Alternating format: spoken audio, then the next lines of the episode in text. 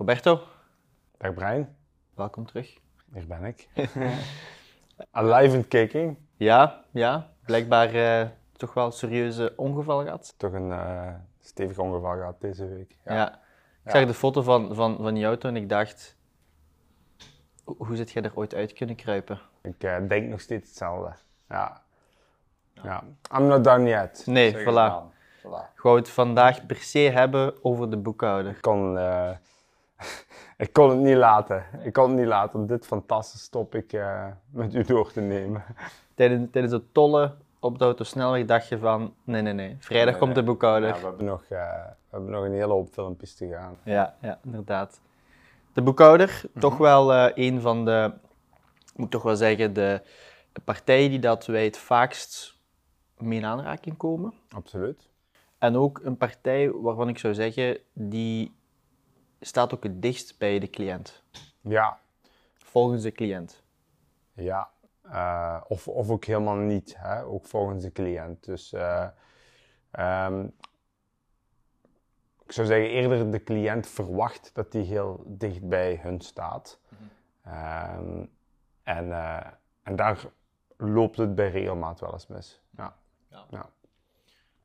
Wanneer dat we met die cliënt aan tafel zitten en er zijn optimalisaties te bespreken, dan komt vaak wel de befaamde zin, ik moet dat even bespreken met mijn boekhouder. Ja.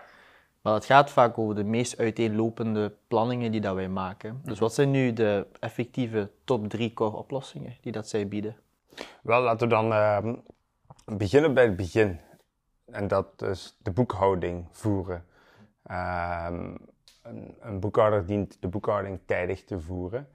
En dat betekent eh, zorgen dat alles boekhoudkundig verwerkt is. Dat is absoluut nummer één eh, taak van een, eh, van een accountant.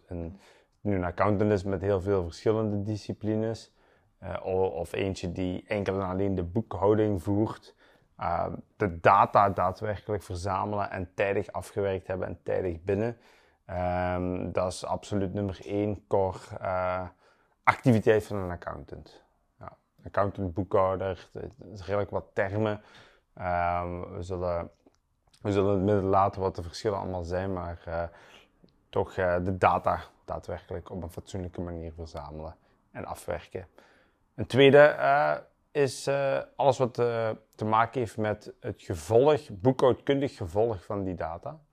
Dus eventuele bijsturingen, een functie van het, eh, ja, de boekhouding zelf. Dus daar eh, spreken we over eventuele loonsoptimalisatie die dan gelinkt is met, eh, met boekhouding. Ehm, en daar begint het schoentje soms al te wringen, want we zien dat er in, in die sector zeer, zeer, zeer veel openstaande vacatures staan.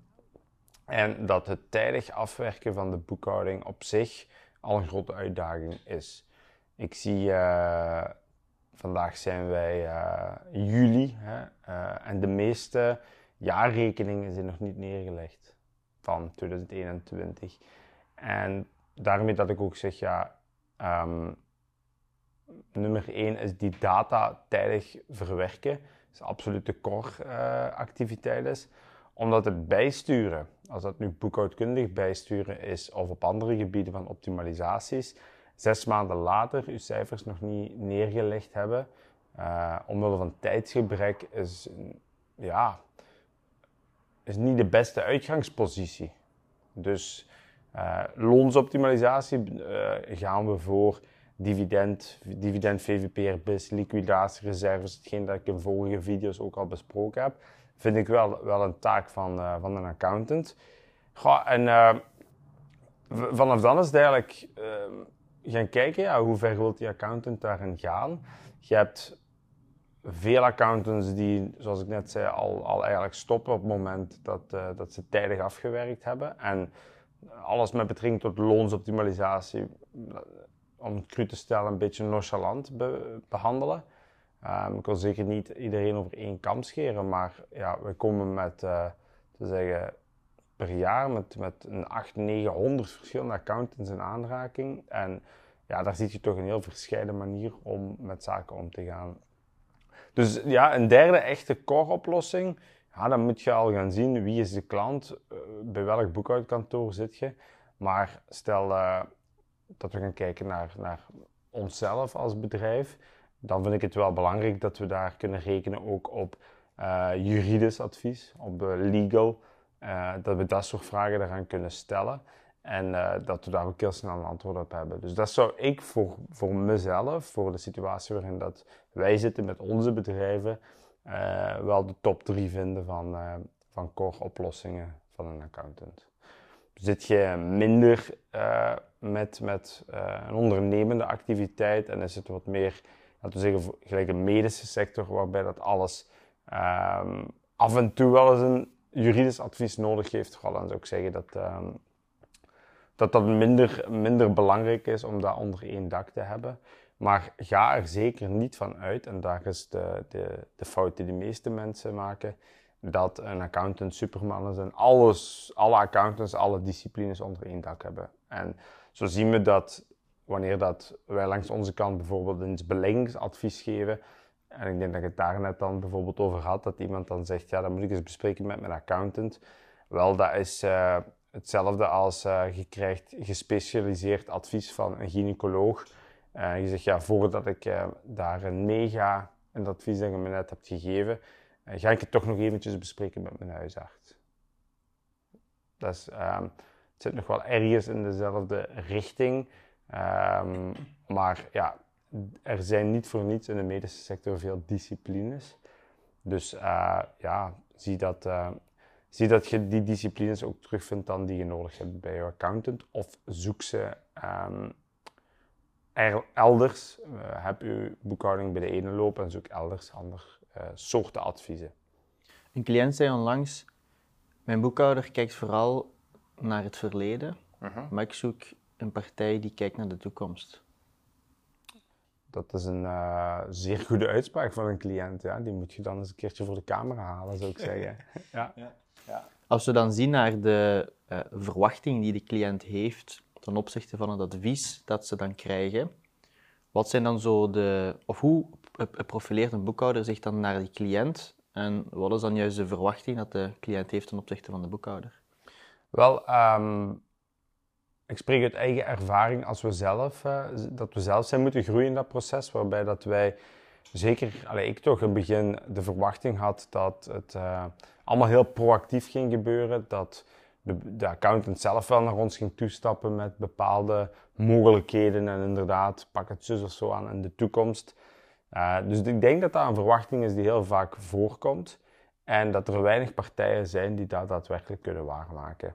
Uh, ik heb gisteren nog een onderhoud gehad met uh, ons accountancykantoor. Ik heb ze alles in de kijker gezet in het verleden.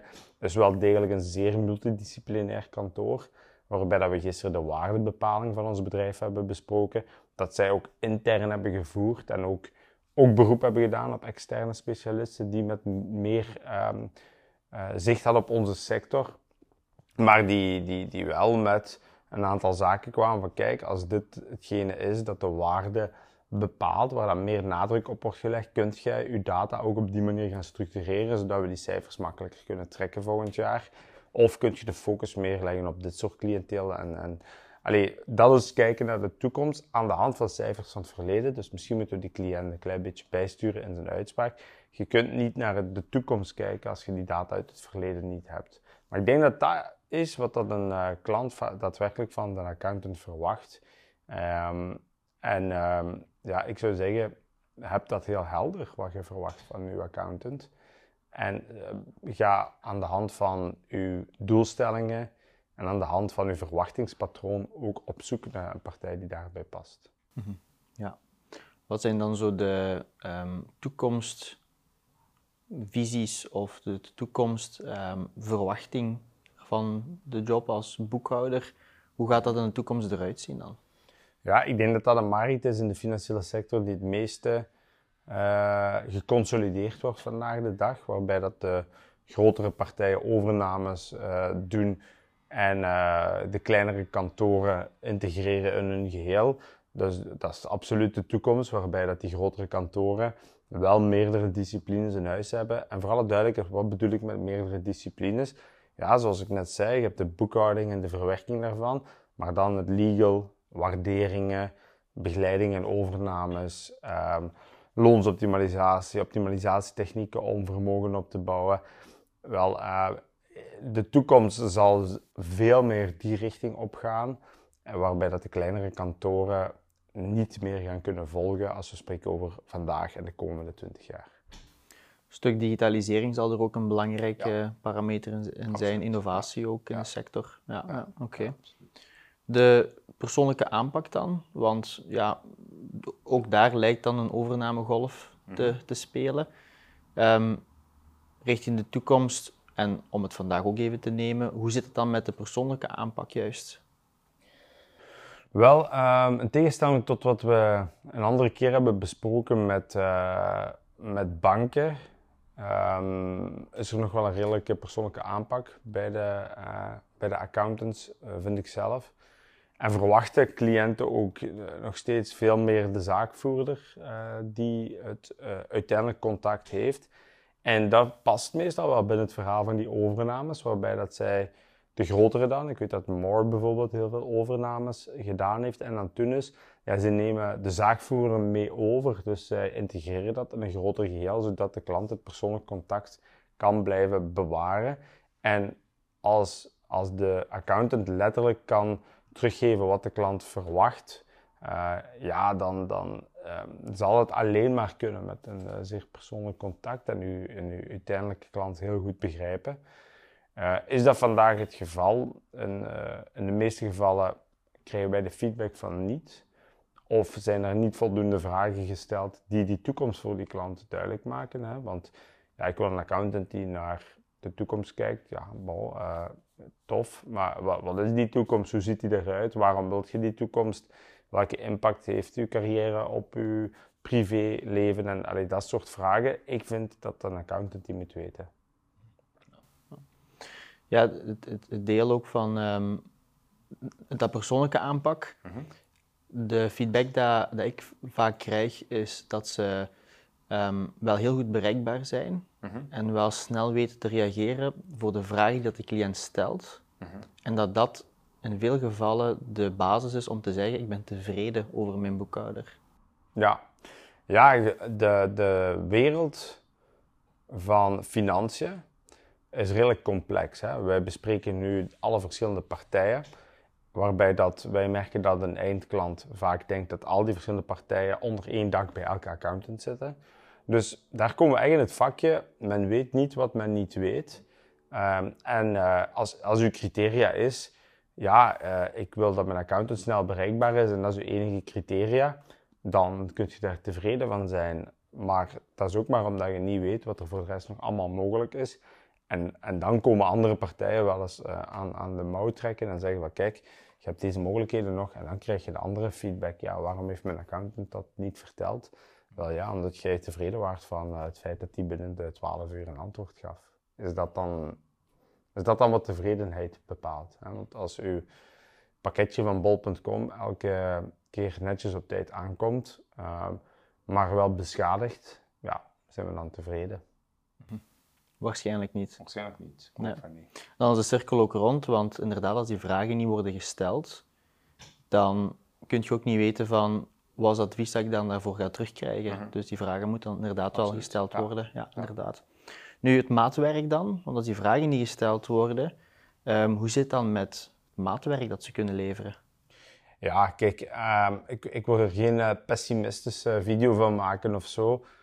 Maar als je met uh, ja, net geen duizend accountants per jaar uh, in aanraking komt en wij um, intern het, het, uh, de dienst hebben om echt de maatplan op te zetten, ja, dan zien we dat de, de input van de accountant vaak kleiner is dan 10% in dat verhaal. Hè. Dat, dat 90% van het plan dat de mensen hebben en willen verwezenlijk zien en daarvoor begeleiding nodig hebben, ja, dat plan bestond niet uh, in de meeste gevallen voordat wij er kwamen. Uh, en de invulling van de account was heel beperkt. Dus kunnen ze maatwerk leveren? Absoluut. Moesten ze gebruik maken van de, de vertrouwenspositie waarin dat ze in zitten, kunnen ze absoluut uh, heel veel maatwerk leveren. Ook als ze eerlijk zijn over dit kunnen we, dit kunnen we niet. En misschien met externe partijen samenwerken. Maar um, ja, ik denk dat de, dat de accountant uh, verre van geen idee heeft hoeveel vertrouwen de, hun eindklant bij hun legt. Ik denk dat geen idee rond bestaat. En bij gevolg ook de verantwoordelijkheid die dat zij dragen op dat vlak. Nee, de verantwoordelijkheid die de klant denkt dat zij dragen. Ja, beter voor Want, um, voor alle duidelijkheid, er zijn gigantisch veel verwachtingen die een eindklant heeft, die niet daar thuis horen. als we de volledige videoreeks afgewerkt hebben, dan, ehm, dan, dan hoop ik dat de kijkers weten, dammit, dat verwacht ik allemaal van mijn accountant. En ja, dat is, dat is alsof dat je een schoenenwinkel binnenstapt en boos wordt dat ze daar geen broeken en t-shirts verkopen. Dat is, dat is de markt van, van, van accountants vandaag de dag. Oké. Wat dan wel heel ehm, duidelijk is, in mijn ogen dan toch, is een, is een verdienmodel. Ja, een vergelijking met uh, bankiers, met, met private banking, uh, met, met uh, zelfs als we richting vastgoed gaan kijken, is allemaal toch ergens een vraagteken van wat betaal ik nu? Vorige keer hebben wij de verzekeringsmakelaar toegelicht, hoe complex het was. ja, dan is uurtje factuurtje natuurlijk wel heel duidelijk. Um, verdienmodel ligt in, in, het factureren van de diensten. Dus dat is simpel. Ja, oké. Ook daar heb je wel verschillende mogelijkheden. Sommigen hebben een vast tarief, anderen is het inderdaad puur per uur. Ja. Dus, uh, Ook bij vaste tarieven um, zien we ook wel eens regelmatig op het einde van het jaar oepsie doepsie, foutje in onze um, prognose van het aantal uren dat we erin gaan steken. We gaan toch wat bijfactureren. Nooit plezant natuurlijk, dus um, ja, maar in het algemeen is dit wel duidelijk, ja. Oké, heel helder. Hopelijk. Zullen we het zien, hè? Bye. Bye bye.